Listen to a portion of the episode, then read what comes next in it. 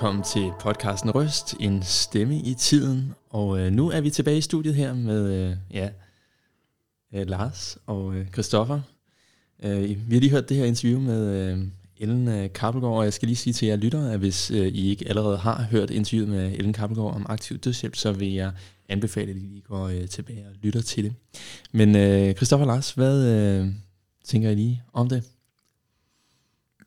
Det er sådan lidt en popularitetstest, hvordan det gik. Øh, jeg, jeg synes, du gjorde det fremragende, Anton. Nå, det var ikke så meget min øh, præstation som journalist, selvom jeg naturligvis er et meget forfængeligt menneske. Men, øh. ja. nå, nå, det var indholdet. Ja. ja.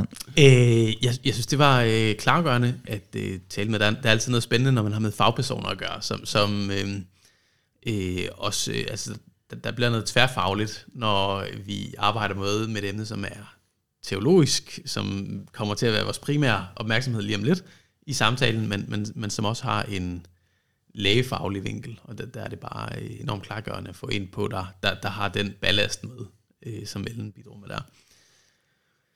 Øh, der er også noget, altså mm, nogle af de lægeetiske øh, dilemmaer, hun nævner med, med patient-lægeforhold og sådan noget, det, det, det er jo øh, det er jo åbenlyst øh, altså problem øh, fyldt. Øh, det, det, det var egentlig meget spændende at reflektere lidt over, høre hendes øh, tanker over. Ja. Mm.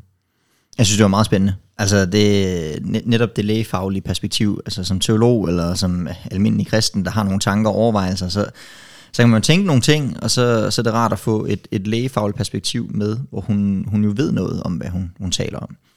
Øh, og der var nogle, nogle aspekter og nogle nuancer i, i spørgsmålet, som jeg i hvert fald ikke var, var klar over. Øh, jeg tror spørgsmålet om, øh, hvornår bevæger vi os fra passiv øh, dødshjælp til aktiv dødshjælp, altså den skælden der, mm. øh, mængden af morfin må man give, øh, i hvilken grad forlænger og forkorter man øh, patienters liv, det, det er jo virkelig komplekst. Og jeg tror, det er noget af det, der er godt at gøre sig klart, inden man går ind i et spørgsmål, det er, hvad, hvad taler vi egentlig om? Og, og når vi går fra det principielle til, til praksis, der er der selvfølgelig nogle ting, der bliver mere mudret, og have den bevidsthed med, at det bliver mudret, men også at turde tale om det principielle, før vi bevæger os ind i alle de der mm. udtalelsestilfælde, mm. fordi der er jo utrolig mange komplekse mm. gråzoner. Men, men der er også noget principielt, vi skal, vi skal vende omkring først. Mm. Jeg tror, vi vender lidt tilbage til nogle af Ellen Kappelgaards øh, tanker og indsigter øh, lidt løbende. Øh, men øh, I er begge to lidt inde på, på det her med, at øh, Ellen Kappelgaard, hun er jo øh, hun er læge. Hun har en lægefaglighed, og øh, det er I jo ikke. Det er jo altid dejligt, når man kan invitere nogle øh, gæster til at kommentere for ens egen øh, øh, ja. Men øh, I, I ved jo så lidt øh, om noget andet. Øh, I er jo teologer begge to. Øh, Burde i hvert fald vide noget om ja, noget andet. Ja, det skal man synes. Ja. øhm, men jeg tænker, har vi egentlig nogle bibelske eksempler på det her med aktiv dødshjælp? Har I tænkt over det? Bibelske eksempler på aktiv dødshjælp. Og nu taler du ikke om folk, der bare bliver slået ihjel, for dem har vi nok af. Ja. ja. Det, det er jo et fænomen, der, der, der sker i Bibelen, at der er nogen, der oplever øh, Saul, for eksempel, mm. som oplever sin øh, livssituation så vandærende, mm og som så stærkt et nederlag, så skamfuldt, at han øh, øh, jo gerne vil på en eller anden måde undtages fra livet, og derfor beder sin, øh, nu, hvis jeg husker rigtigt, sin tjener om at, øh, øh, at tage livet af ham og gennembore ham med et svær. Mm. Det er jo principielt aktiv dødshjælp. Øh, det, Men han er så vel døende i situationen. Altså, det er vel også, fordi han ikke ønsker at, at blive dræbt ved en fjendes hånd. Eller, altså, der Skal er vi lige der... Øh, prøve at læse teksten? Det er, det er faktisk det er fra 2. Samuels bog, kapitel 1. Du har den? Okay. Ja, det har jeg simpelthen. Ja. ja. Ja, man skal jo ikke stille spørgsmål, nogen har kendt svaret. Ja.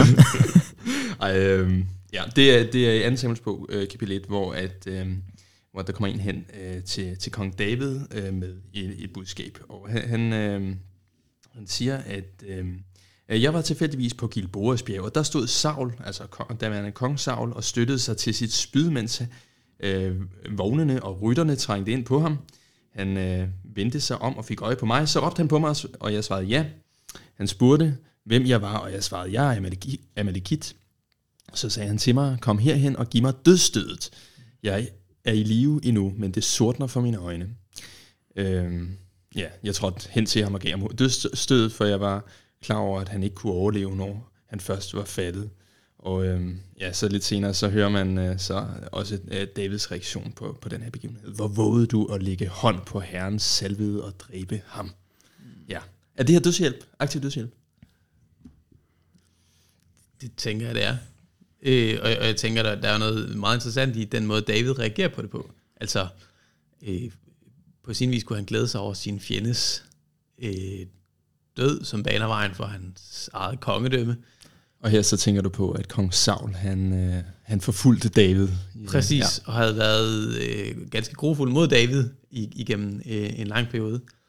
Øhm, men at David øh, på, på en eller anden øh, underlig måde fastholder Sauls menneskelighed, selv, selv øh, som sin fjende, og selv som en døende mand, og dermed betragter den aktive dødshjælp faktisk som et mor. Mm. Øh, ja.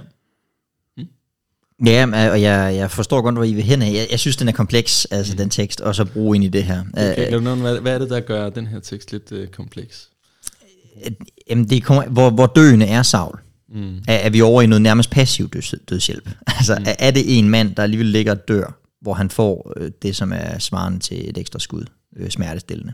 Altså, jeg, jeg er godt med på, at det er mere end det. Han bliver slået ihjel af personen, men vil han være død 10 minutter senere alligevel? Altså, jeg, jeg, ja, jamen, jeg er godt med på, at det, der, det ja. Han er, meget, han er meget mulig uafvendelig døende, ja. især med datidens lægekunst, men, men, men, men der er altså, det handler jo ikke om øh, smertelindrende nej, indgreb. Det, nej. Det, det handler om... Det er, ja, måske skal vi lige øh, prøve at have den her skillen øh, på plads. Hvad, hvad er egentlig forskellen på passiv og aktiv dødshjælp? Hvordan vil vi definere det?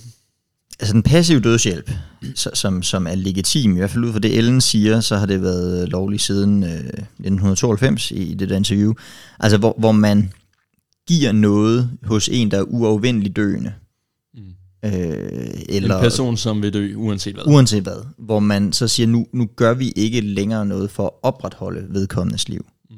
Øh, enten ved at give enorm smertestillende medicin, eller ved at undlade at give medicin, eller, eller hvad det måtte være. Altså, det er sådan, jeg forstår det i hvert fald. Mm. Og det kan være, at der er nogle, nogle lægefaglige perspektiver, som jeg overser, men, men det der, at man, man, man opretholder ikke det liv, der ikke kan reddes længere. Hvor den aktive mm. dødshjælp er at gå ind og sige, den her person kan leve på ubestemt tid. Nu går vi aktivt ind og afslutter livet. Mm. Og så er det her i hvert fald ikke passiv dødshjælp. Nej, det er ikke passiv dødshjælp, det, ja. men er det aktiv dødshjælp? Ja, det, det ved jeg heller ikke. Det er det da i allerhøjeste grad. Okay, så siger vi, det er aktiv dødshjælp. men jeg, jeg synes bare, vi er, ja. vi er i en gråzone, og så er der noget i forhold til, at der er to fortællinger, ja. øh, og så videre. Hvem er det egentlig, der gør det? Øh, i realiteten. Lyver ham der tjeneren, der kommer og så videre. Der, der er nogle ting på spil i forhold til første og anden Samuels bog. Jeg synes, det er et fint eksempel. Lad os bare tage den. Jeg kører den. Jeg tager den. mm. øhm. Ja. Øh, vi, vi snakker lidt om det her med, øhm, med øhm, passiv og aktiv dødshjælp. Hvad, hvad synes I egentlig, der er sådan den principielle forskel på de to, hvis man, øh, hvis man skal tale om det sådan rent øh, etisk? Øh, den, den principielle forskel for mig at se, det er jo, om man betragter livet som noget, der er gudsgivet, og som vi har et ansvar for at tage hånd om, og så vidt vi kan gøre det godt at leve, og øh, afhjælpe smerter, og øh, sådan, så, så, så gør vi gerne det, men, men, men vi gør det for at opretholde livet. Øh, den, den aktive dødshjælp er øh, at afkorte livet. Øh, og dermed, øh, at man ikke betragter livet som ukrænkeligt, men som noget, vi er herover. Mm. Og det er for mig at se den, den, den primære forskel.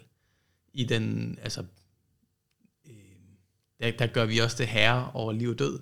Øh, at vi skal have en medbestemmelse over, hvornår. Og, og der kan så være alle mulige årsager til, at vi tager den ret øh, og tager den beslutning, men, men det ser jeg som primær forskel. Mm. Der ligger i hvert fald et mindset bag. Altså, om, altså jeg tænker, de, i Bibels forstand, der må passiv dødshjælp, det er jo på en eller anden måde uundgåeligt. På et eller andet tidspunkt giver det ikke mening at opretholde menneskers liv længere. Vi, vi kommer ikke udenom det. Og selv før den lovgivning, som Ellen snakkede om i, i 92, så, så var der passiv dødshjælp i en eller anden forstand. den, den aktive dødshjælp bunder jo i, i et andet verdenssyn, i et andet syn på, hvad livet er, og, og hvem der bestemmer over det.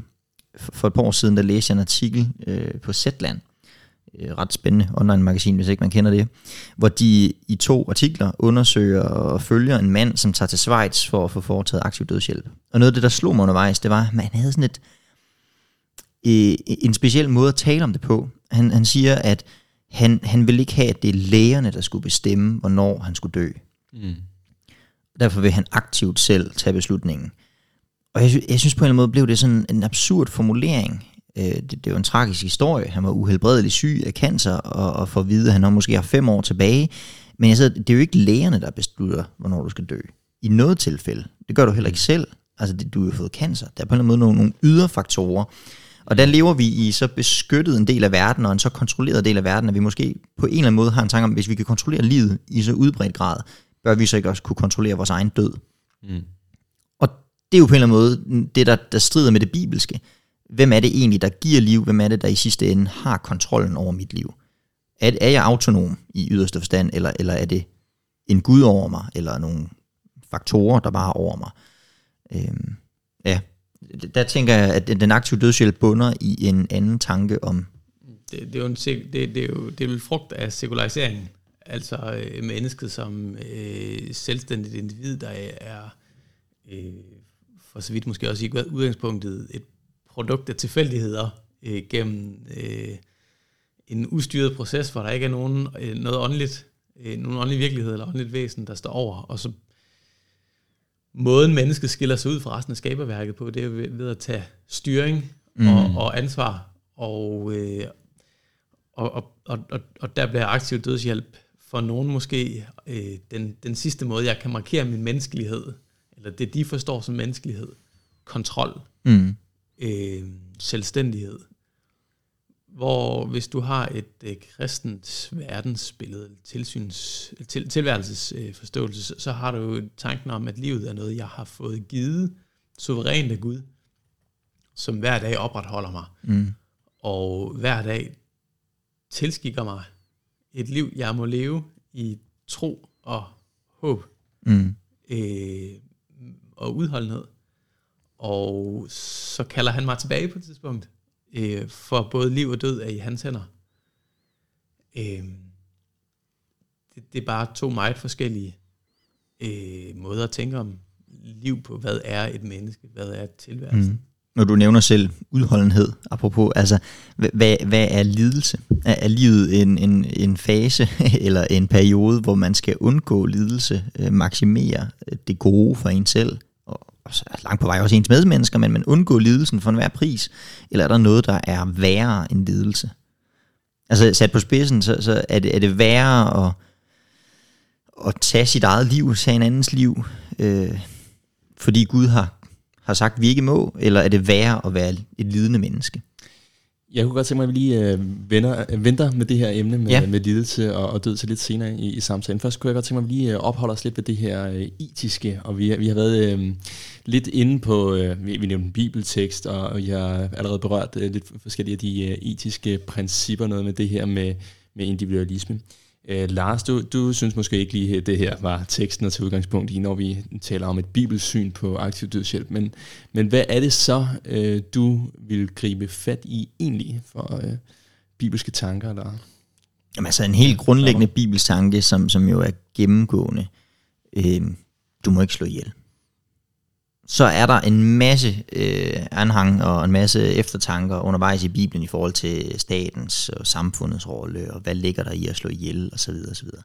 Men, men den helt grundlæggende tanke, at du må ikke tage et liv. Du må ikke, du må ikke, du må ikke dræbe.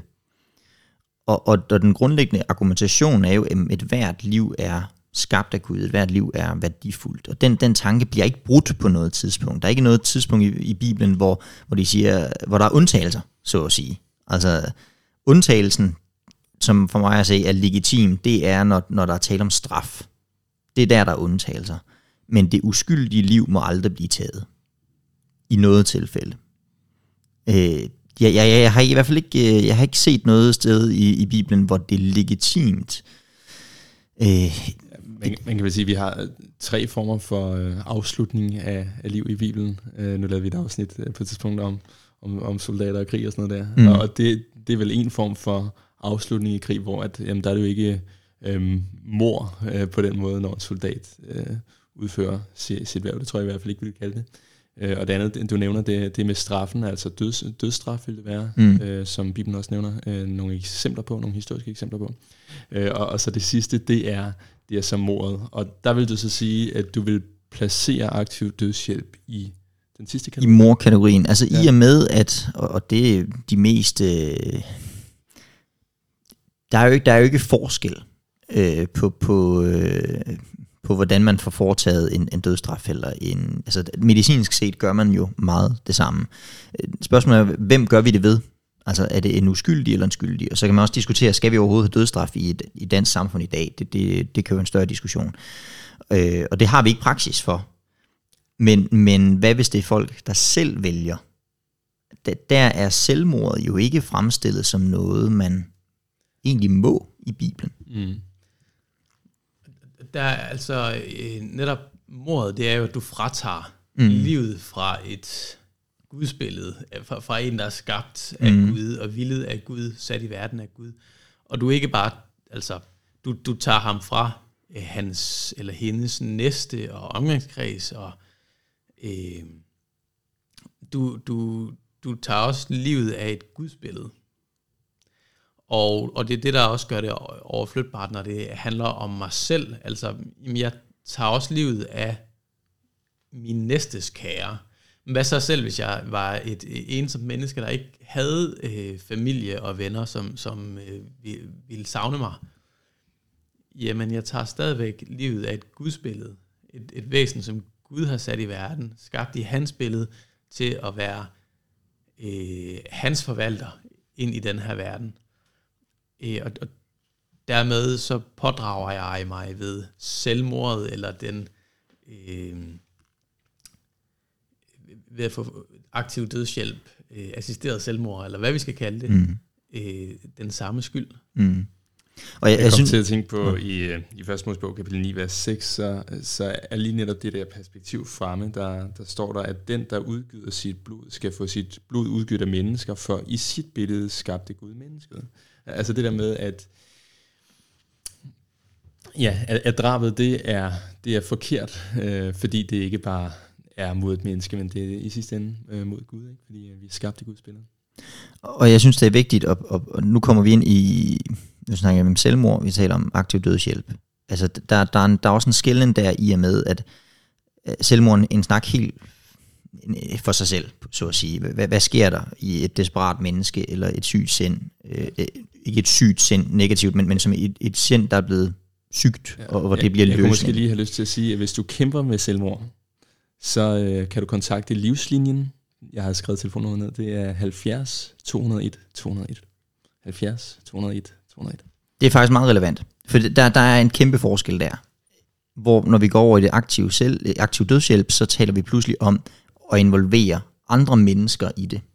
Og på en eller anden måde, så, så er der jo nogen, der bruger det som argumentet. Men skal folk, øh, skal folk tvinges derud, hvor de tager deres eget liv alene? Er det så ikke bedre, at vi organiserer det som samfund, giver dem en, en mulighed, hvor vi vurderer hjælper i det her tilfælde? Og, og, og det er jo der, det bliver aktuelt. Altså, så går vi jo ind, og nogle andre mennesker tager livet på vegne af en person, der har bedt om det. Øh, så er vi ikke længere ude i et selvmord, men vi er ude i et, et aktivt en aktiv dødshjælp, et aktivt drab på et andet menneske, hvor flere er involveret i det. Og det er derfor mig at se, der, der, der taler vi i en, en ny etisk problemstilling i forhold til, til selvmordets øh, virkelighed. Mm. Derfor kommer vi ind øh, og får, får en, altså en ting mere, som sådan er øh, den, en teologisk, øh, teologisk problematik i det her. Det er jo, at, at ved selvmord, så pådrager jeg mig selv øh, en morders rolle for mit eget liv. Men, men i, i tilfældet af assisteret øh, selvmord eller aktiv dødshjælp, så, så er det en anden, der bliver en del af det. Og med tanke på, på det femte bud, øh, at du ikke må slå ihjel, så, øh, så placerer jeg sådan set, gør jeg en medskyldig Øh, og og øh, i et sundhedsvæsen, så Ellen talte om, at hun var ret overbevist om, hvis det blev indført i Danmark, at der ville komme en øh, samvittighedsfritagelse for, for, mm. for dem, der ikke vil have øh, ønsker om det på samme måde som på abortområdet. Øh, men, men det er jo en problematik, uanset om du så har samvittighed til det eller ej, at du faktisk fra kirkens synspunkt, fra Bibelens synspunkt, pådrager dig skyld. Mm. Også ved at være den, der sidder på den anden side. Ikke noget som læge, men også som den, der kræver det af et andet menneske. I begge dele, ja. ja. Mm. ja. Og så, så peger Ellen jo på nogle, på nogle yderligere perspektiver i det. Altså, glidebaneargumenter er jo sjældent mm. stærke, men, men her er, er glidebane jo en, en, det er en præcedens, vi ser. Altså, der, der, er, der er en glidebane. Hvor, hvor, hvor, hvor syg skal man være? Og jeg synes jo, hun sætter meget godt over på det, at, at det starter med en tanke om, at man skal, øh, man skal give en mild død. Vi, vi, skal, vi, skal, gøre, vi skal gøre døden øh, tålig. tålig. Og, og nu bliver det jo hurtigt et spørgsmål, skal, vi ikke, skal livet ikke også være tåligt? Mm. Og det er bare ufattelig svært. Hvornår er livet utåligt? Hvornår er det tåligt? Og jeg synes jo, når hun særligt arbejder i, på en, en psykiatrisk afdeling, altså var det ikke, inden for psykiatrien i hvert fald, mm. altså hvor mange mennesker har en oplevelse af, at deres liv egentlig er utåligt i perioder, og, og hvad skal der til? Mm.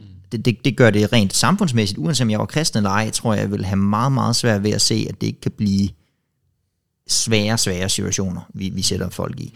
Men set fra et kristen perspektiv, så, så bliver det helt uacceptabelt. Og, og det her, det kan begynde at stikke af, ikke også? Fordi det, mm. Jeg, har, jeg læst på et tidspunkt om en øh, kanadier, der er under det kanadiske øh, MAID, øh, Medical Assisted oh, nu smuttede det for mig. Men, men, men øh, hvor, altså Aktiv Dødshjælpsprogram i øh, Canada søgte om lov til at, at blive en del af det program på baggrund af hans klimaaftryk. Mm. At, øh, at han så okay. sig selv som en, øh, en, en, en sygdom ind i verden øh, med sit klimaaftryk, og det ønskede han faktisk at, at aflaste ved at mm. øh, få hjælp til at dø. Mm. Øh, og det, han blev så afvist, men, men udtaler, at han, han vil kæmpe for, at det ligesom også bliver en del af en valid grund. Ja. Øh, og, og der ser du den her glidebane, hvor du kan, du kan hele tiden udvide argumenterne for, hvorfor at der kan være en valid årsag til at tage livet af sig selv. Og, og den vil jo skifte med øh, skiftende øh, strømninger i, i kulturen og, og, og, og øh, hvor samtidig man, man, man vil ofte nok have en tendens til at vokse. Mm. Øh, med jeg, jeg fandt et tal fra Holland, hvor at, øh, det stod, at, øh, at det var kun 8 øh, til 10 procent af de øh, ja, eksempler på aktiv dødshjælp, man har dernede, som øh, skyldes øh, store smerter. Øh, I langt det største øh, antal tilfælde, så skyldes det frygten for kommende smerter. Ja. Det, det er super interessant. Men det er jo det samme med den fortælling, jeg, jeg brugte med ham fra Zetland. Altså han, han får jo foretaget sin, sin, øh, sin rejse til Schweiz fem år, før lægerne egentlig har sagt, at han formentlig vil dø. Af frygt for, hvordan det liv vil blive. Og, og det er da meget muligt, at han har undgået ufattelige smerter, og, og det skal man jo tale med respekt om, når man ikke har, har stået i den situation. Men, men det gør det så svært. Altså, hvornår er det, det skal sættes ind? Hvor, hvornår er det, smerten bliver ulidelig i, i den diskussion? Og så tænker jeg, når man først har taget det første principielle skridt, så det er jo lidt ligesom øh, debatten om abort. Altså, skatten med U12? og, og så er der rigtig mange danske politikere nu, der tænker, den skal da bare rykkes helt vildt, for det første skridt er jo taget. Og det er jo lidt det samme her. Når, når det første grundlæggende brud er sket med den bibelske tanke, at livet er en gave altid, så er det jo, så bliver det jo bare et spørgsmål, hvor, hvor vil vi så sætte den hen? Og der er jo argumenter for og imod hele tiden. Mm. Og så er vi ude over en Gud, der har besluttet, hvor vi skal sætte den grænse det er lidt pudsigt det her, øh, eller jeg kan synes, når vi sådan sidder og, og snakker om det her, så om, om den etiske del i det, så øh, det, det virker som et ret kortfattet svar, man kan give for en, en kristen, et kristen synspunkt, ikke? fordi øh, jamen, du, du var inde på det, Lars, jamen, du må ikke slå ihjel, altså... Ja, jeg, jeg ved ikke, om vi kan, kan, kan følge den, øh, den tanke, at øh, altså, der bliver brugt rigtig mange ord ja, ja. i, i de her øh, måneder på at diskutere aktiv dødshjælp, og øh, Ja. Der, ja. Man tilgår på en eller anden måde bare diskussionen på en anden måde, når man sætter Gud i centrum for diskussionen, i stedet for den her øh, argumentation om, at jeg må bestemme, øh, vil jeg ved med mit liv. Ikke? Det, det er en anden måde at anskue verden på. Og, og, og jeg tror, du har ret øh, sådan fra, øh, altså, øh, er øh, den ene kristne, der, der, der søger øh, vejledning til, hvordan skal jeg som kristen tænke om det her, så er svaret sådan set kort. Hvis du regner Bibelens ord for, mm. for, for pligten udtryk for Guds tanker om øh, trolærer liv, så, så, jamen, så er det femte bud ret entydigt på det her. Og der, der, der kommer ikke, du finder ikke materiale i Bibelen, der opløser det, for mig at se, øh, på det her punkt. Så, så, så, så der er svaret egentlig simpelt.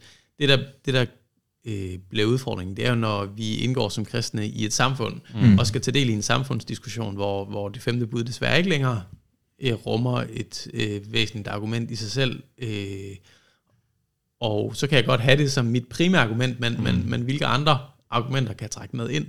Og, og her er glidebaneargumentet jo et, et, et væsentligt argument. Et andet argument, det er forholdet mellem læge og patient. Mm. Vi kunne trække ind og sige, altså vi skaber jo et samfund, hvor du som patient altid må være mistænkelig for, vil lægen mig egentlig det bedste? Altså øh, er lægen egentlig optaget af at spare penge, eller øh, skabe øh, mere frirum i, i sygevæsenet øh, ved at skaffe mm. en besværlig patient af vejen? Som, som psykisk øh, lidende, kan, kan, du, kan du forvente, at de vil afhjælpe dig, eller at de vil afvikle dig? Mm. Altså, øh, den der mistænkeliggørelse, der kan opstå i relationen mellem læge og patient, tænker jeg jo er, er en, altså, en kraftknude i, i, mm. øh, og, og helt grundlæggende. Og det er jo noget af det, som flere handicaporganisationer også er ude at sige, ja. ikke? at øh, jamen, de frygter reelt, at de kan, kan stå i en situation, hvor de ansøger om øh, flere hjælpemidler. Jamen lige øh, præcis. Og, og at de så bliver tilbudt aktiv dødshjælp øh, i stedet. Og, og det er jo ikke sådan taget ud af en blå luft, fordi man har eksempler på det der fra, øh, fra mm. Canada. Ikke? Og, og det er lige præcis det, det du tager fat i, handicaporganisationer og alle mulige andre tilfælde, fordi vi, man kan godt få en eller anden særligt, når man laver undersøgelser blandt unge mennesker. Hvis jeg tog en rundspørg i min klasse, og det gjorde vi faktisk øh, på Silkeborg Gymnasium, hvor jeg gik, jeg troede, det var på Dansk Bilmest. på dansk. Ja, jeg ved, jamen, jeg ved ikke, hvordan øh, svaret vil være der, men, men på, øh, jeg håber, det vil være primært nej. Men, men i min klasse på Silver Gymnasium, ud af 25 elever, eller hvor mange var, der var alle tilhængere af aktiv dødshjælp, undtagen mig. Og, det, og jeg tror noget af det handler om, at døden er så langt væk, når man er 18-19 år gammel. Altså det er noget, der ligger langt ud, og man ser øh, gamle mennesker, man ser handicappede mennesker, man ser nogen, der lider, og så tænker man, det ville være bedre for dem at afslutte det. Mm. Men jo tættere man kommer på døden, jo, jo mere kompleks bliver det. Vil jeg faktisk herfra? Eller vil jeg hellere have livet med alt, hvad det indebærer lige nu? Og, og så sker der jo noget i og med, hvis vi beslutter, at i livets afslutning, eller der hvor det, det nærmer sig livets afslutning, at nu er det legitimt at tage det, når jeg selv vil, så sker der noget med hele livet. Det, det kaster jo skygger tilbage på hele tilværelsen. Fordi så er den 18-årige nødt til at spørge sig selv, hvornår er jeg ikke længere værd at leve? Altså, hvornår mit liv ikke længere er værd at leve? Mm. Hvornår tænker de andre om mig, at mit liv ikke er værd at leve? Mm. Det, det gør noget ved vores grundlæggende menneskesyn, at man stiller alle mennesker i det valg. Du er nødt til at spørge dig selv, er jeg virkelig værd? Er jeg værd at eksistere? Jeg, jeg kan jo ikke se det som andet, end at vi undergraver en hver, et hvert selvværd, en hver, et hvert øh, menneskesyn ved at, at indføre det. Lars og Christoffer, øh, jeg kan jo fornemme på jer, at I øh, tænker tydeligvis, at det her det er principielt forkert. Mm. Men det er der jo så mange ting, der er. Altså, øh, det er også forkert at begå utroskab. Det er også et bud på et af de 10 bud. Men det er ikke ulovligt, nej. Jamen, øh, jeg ja. synes ikke, jeg har hørt jer øh, sådan øh, opildende til øh, demonstrationer og protester øh, mod det bud, men... Øh, Jamen, altså, det, det er jo rigtigt. Nu, nu kommer vi så ind på spørgsmålet om forholdet mellem bibelsk etik og hvad jeg som personlig kristen mener og bør tænke, og hvordan skal vi indrette os som samfund. Der tror jeg, der er en... Det her det er noget andet end for eksempel utroskab og løgn og alle mulige andre ting. I og med, at vi bevæger os over i noget, der skal være gældende for alle i et samfund, og det, er en lovgivning. Vi er nødt til at have nogle, nogle principper, og det er sådan set uafhængigt af, om vi er kristne eller ej, så er, der jo et, så er det et spørgsmål, må man slå ihjel i et samfund eller ej? Apropos løgn, det, det kan man sige, det er jo en privat ting, om jeg lyver for min kone eller ej, men, men inden for den større, altså hvis jeg lyver for min bank, eller lyver for politiet, eller, så er det jo også ulovligt. Altså, personlig etik hænger sammen med, hvordan relationen er til andre mennesker. Og uanset om man tror på Jesus, eller om man ikke tror på Jesus, så skal man forholde sig til, om det, det skal være lovligt i samfundet. Så vi kan, vi kan ikke undgå samfundsdiskussionen. Jeg, jeg, jeg tror jo, at øh, vi går ind i en virkelighed. Det, det er sådan, øh, udviklingen i hvert fald har været i en længere årrække, og jeg har svært ved at se, at den skal stoppe lige øh, sådan øh, øh lige om hjørnet. Det, det er jo, at vi kommer til at øh, se, at der sker en, øh, en samfundsudvikling, hvor man bevæger sig længere væk fra en bibelsk etik. Mm. Og det, det tror jeg er et vilkår, vi som kristne må, må, må, må lære på en eller anden måde at navigere i. Også på det her område. Vi har gjort det med abortspørgsmålet i en del år, hvor, hvor vi jo på en eller anden måde kan, må acceptere, at det, sådan, det praktiserer man i vores samfund, så kan vi opponere imod det, vi kan stemme imod det, eller vi kan øh, protestere imod det, øh, og vi kan gøre, hvad vi kan for at øh, møde de øh, nødstedte kvinder, der, der, der oplever en uønsket øh, graviditet, og, og se, om vi kan hjælpe dem og sådan, men i sidste ende, så må vi acceptere, at vi lever nu i et samfund, der ikke følger en bibelsk etik på det spørgsmål. Og så må vi praktisere anderledes selv. Og vi må så undgå som læger at, at få skyld i øh, den problematik øh, i, i, i vores arbejde. Og jeg tænker, det er jo lidt det samme sted, vi havner her, hvor, hvor vi kan godt begræde den samfundsudvikling, se det forkert og tage afstand mm. fra det som kirke og som kristne. Men man kan også havne i en situation, hvor man siger, sådan vælger man i vores samfund at øh, praktisere det. Det vidner om et samfund, der har taget en længere afstand til en bibelsk etik, et bibelsk menneskesyn. Mm. Øh, vi må lære at forkynde ind i den virkelighed, og selv leve heldigt i den virkelighed. Øh, generelt, øh, også med den fristelse, jeg kan tænke, det vil blive for et døende og lidende kristne mm. mennesker, der skulle fastholde øh, livets forkrænkelighed, blev, det blev en prøve, altså mm. en troens prøvesten, øh, men, men det, må vi, det må vi på en eller anden måde acceptere. Og forhåbentlig bliver det også et sted, hvor vi kan være lys og salt i verden, hvor, hvor vi kan sige, mm. du er døende, du er lidende. Øh, der er måske endda stemmer i samfundet, der, der, der, der, der opmuntrer dig til at tage livet af dig selv øh, for din egen skyld, og måske endda også en slet skjult dagsorden for pengekassens, eller klimaet, eller, eller familiens, andre familiens skyld. Ja. Men vi ser dig som et menneske skabt i Guds billede. Vi ser dit liv som havende ukrænkelig værdi. Vi er villige til at sidde ved din seng, bede sammen med dig, øh, synge for dig, øh, holde din hånd. Altså, vi, vi, vi, vi er der. Mm. Det håber jeg bliver kirkens reaktion på øh, ja. det. Ja. Og der, der er vi jo så øh, tilbage ved det her med... Øh, med et kristent syn på lidelse og på død. Ikke? Jeg, jeg, jeg må indrømme, at jeg har det super svært med det der begreb aktiv dødshjælp. Øh, nu har jeg brugt det gennem hele øh, øh, den her samtale og, og interviewet med, øh, ja, med, med den Kappegård. Men, men altså, er det, er det nogen hjælp at afslutte et menneskes liv? Altså, dybest set, så, så tænker jeg, at, at øh, jamen, det, det kommer an på, hvad, ja, hvad vi tror, at at livet er, og hvad døden er, og hvad der sker efter døden, og, mm. og det afhænger så igen af, om du, du, du, du tror på, på Gud. Altså øhm, grundlæggende så tror jeg ikke, at, at døden er noget godt i verden. Altså døden, det er, ja, Paulus skriver i, i Rombrevet, at syndens løn er døden. Altså døden, det er noget, som ligesom er kommet ind i verden som en konsekvens af syndefaldet. Det er ikke noget, det er ikke noget godt. Øh, Paulus kan også beskrive døden som en fjende. Mm. En fjende, som ganske vist er blevet besejret ved, ved Jesu øh, død og opstandelse, men, men det er dog en, en fjende. Det er ikke noget, vi bare skal idealisere. Øhm, ja.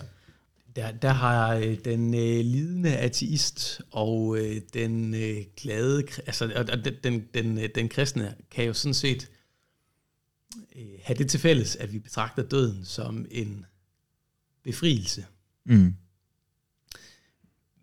Øh, vi ser bare lidt forskelligt på, hvad befrielsen er, og, og virkeligheden kommer, til, altså i sidste ende, så, så er en af os, der bliver klogere. Altså, øh, hvor, hvor den, den ateist, der, der, der oplever et godt og rigt liv, ser jo døden som sin fjende. Det kan ikke være anderledes. Døden ender med at tage tilværelsen, eksistensen fra vedkommende i deres, i deres verdensbillede. For den kristne, så er døden jo om end en fjende, så også en besejret fjende, som nu er blevet døren ind til livet og til det gode og glædelige og herlige. Øhm, men hvis nu det viser sig for artisten, at der bag befrielsen af smerte ligger dobbelt smerte, øh, og dom, og mørke, og tænder skærne, hvilket udtryk Jesus ellers sætter på det, så, så gør man jo bestemt ikke nogen, nogen tjeneste ved at afkorte livet. Mm. Og det, det var min første tanke, da, da, da vi sådan, inden vi overhovedet var på i gang med at tale om det, jeg bare lige tænkte om, det er det, vi skal tale om. Så, så var min umiddelbare reaktion, jeg ved, aktiv dødshjælp er jo at tage den sidste mulighed for omvendelsen for mennesker. Noget tiden. Noget tiden, hvor, hvor de, har, de, de har muligheden.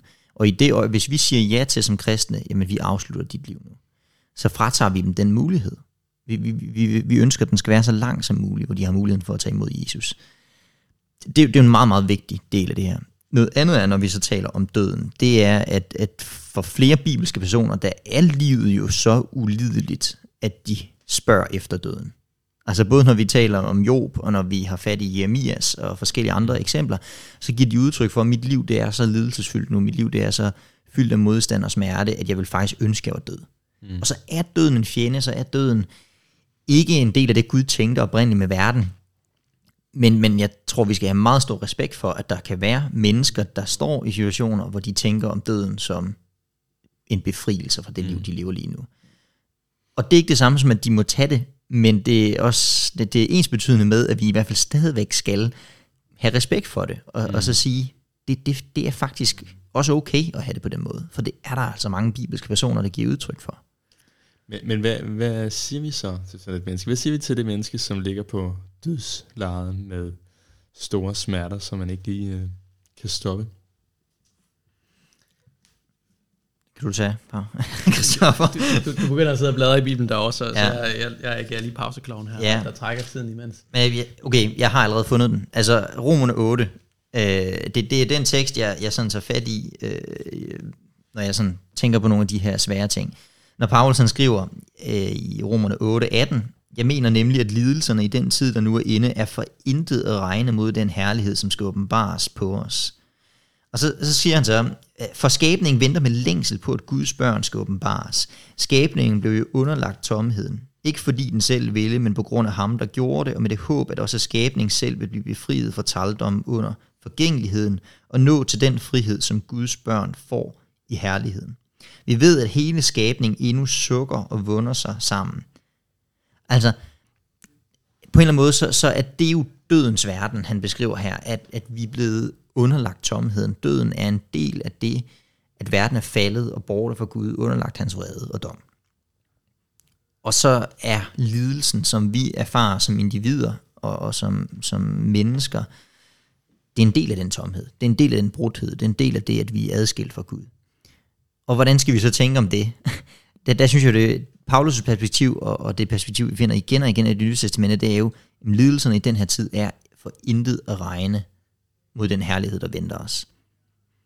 Og det tror jeg er det svar, som, som vi i hvert fald i lange perioder, når jeg taler med ældre kristne, det, det oplever jeg nogle gange, så giver de udtryk for, hvis jeg taler med min gamle mormor, som øh, kunne være en, øh, en kandidat til den aktive dødshjælp, hvis det var tilladt, så siger hun, at hun glæder sig til evigheden. Mm.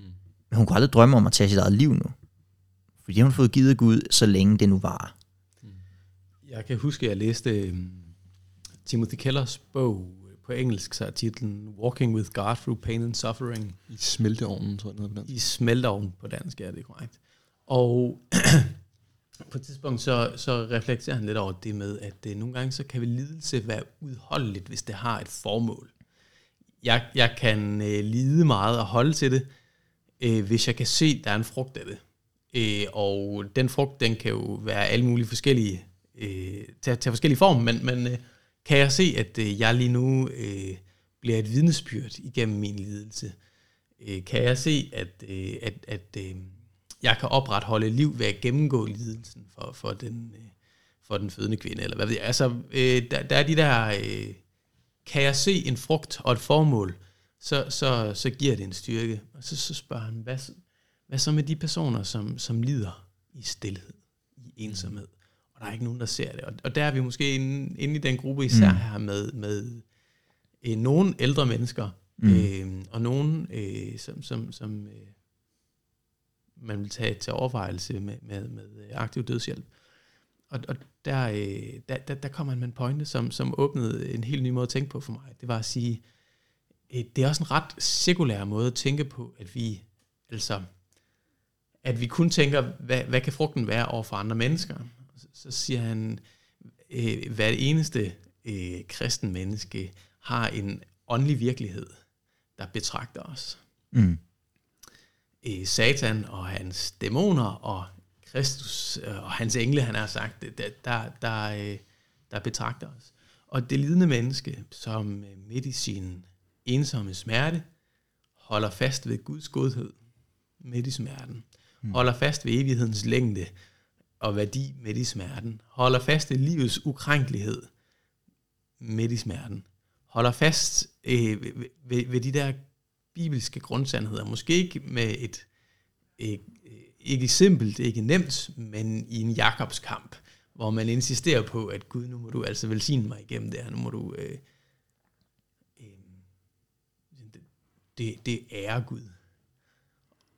Øh, og, og netop der opfylder du måske dit livs formål.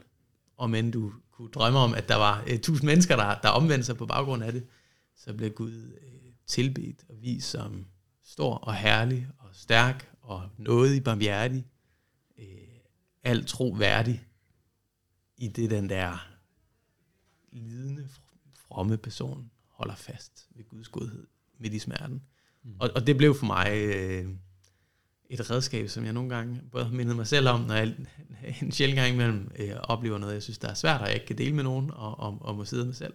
Men i allerhøjeste grad også et, en ressource i sjælsårsrummet, og dele med den person, som, mm. som har den rolle. Og det er måske noget af det, der er jeg synes, det er et rigtig godt, øh, en rigtig god tanke, Keller han har der.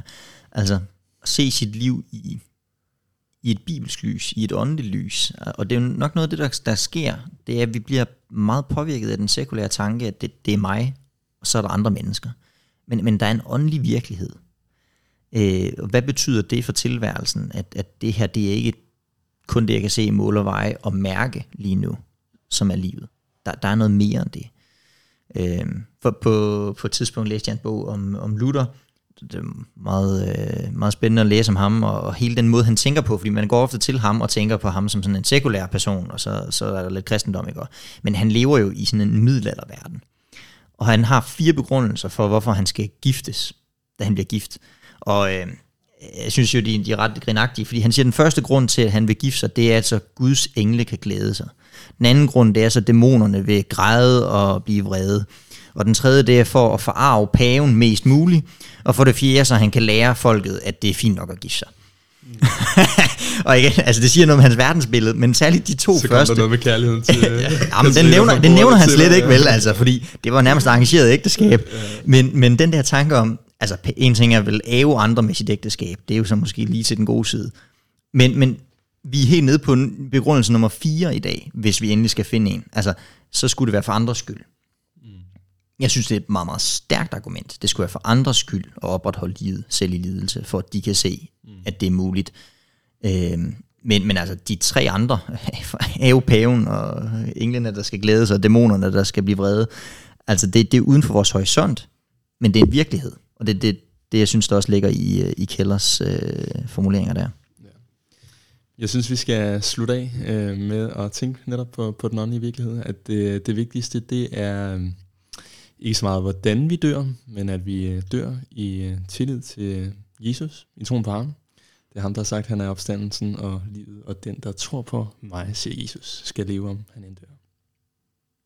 Tak fordi du lyttede med til podcasten Røst. Podcasten er støttet af Luthers Missions Højskole og Norea Mediemission. Vi vender tilbage med nye.